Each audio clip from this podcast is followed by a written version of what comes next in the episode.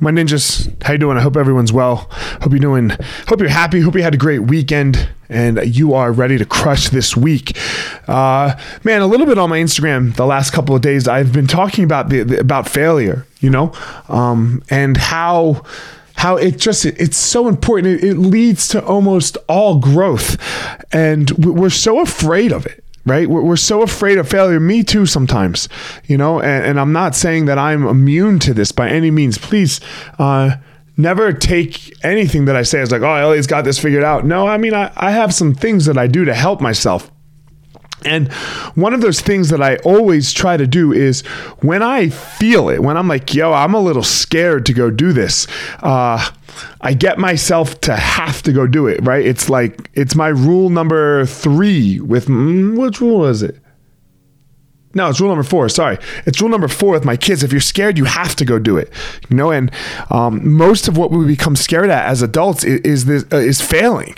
You know, is failing. Um, run into it.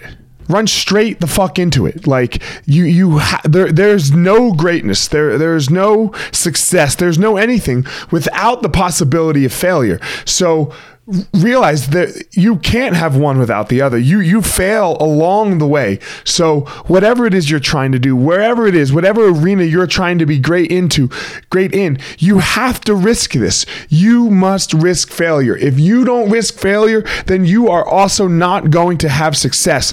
It's impossible. One doesn't come without the other.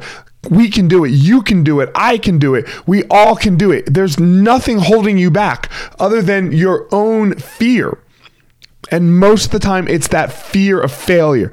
Go ahead, jump in it. Let's go. You can do it. I promise you that if you are open to the idea of growth, and open to the idea of becoming more skillful regardless of what happens, the failure is not that bad. It really isn't. In the long run, it really is not that bad. You can do it, I promise. Discover your passion, find your power, go give your purpose to the world, my ninjas.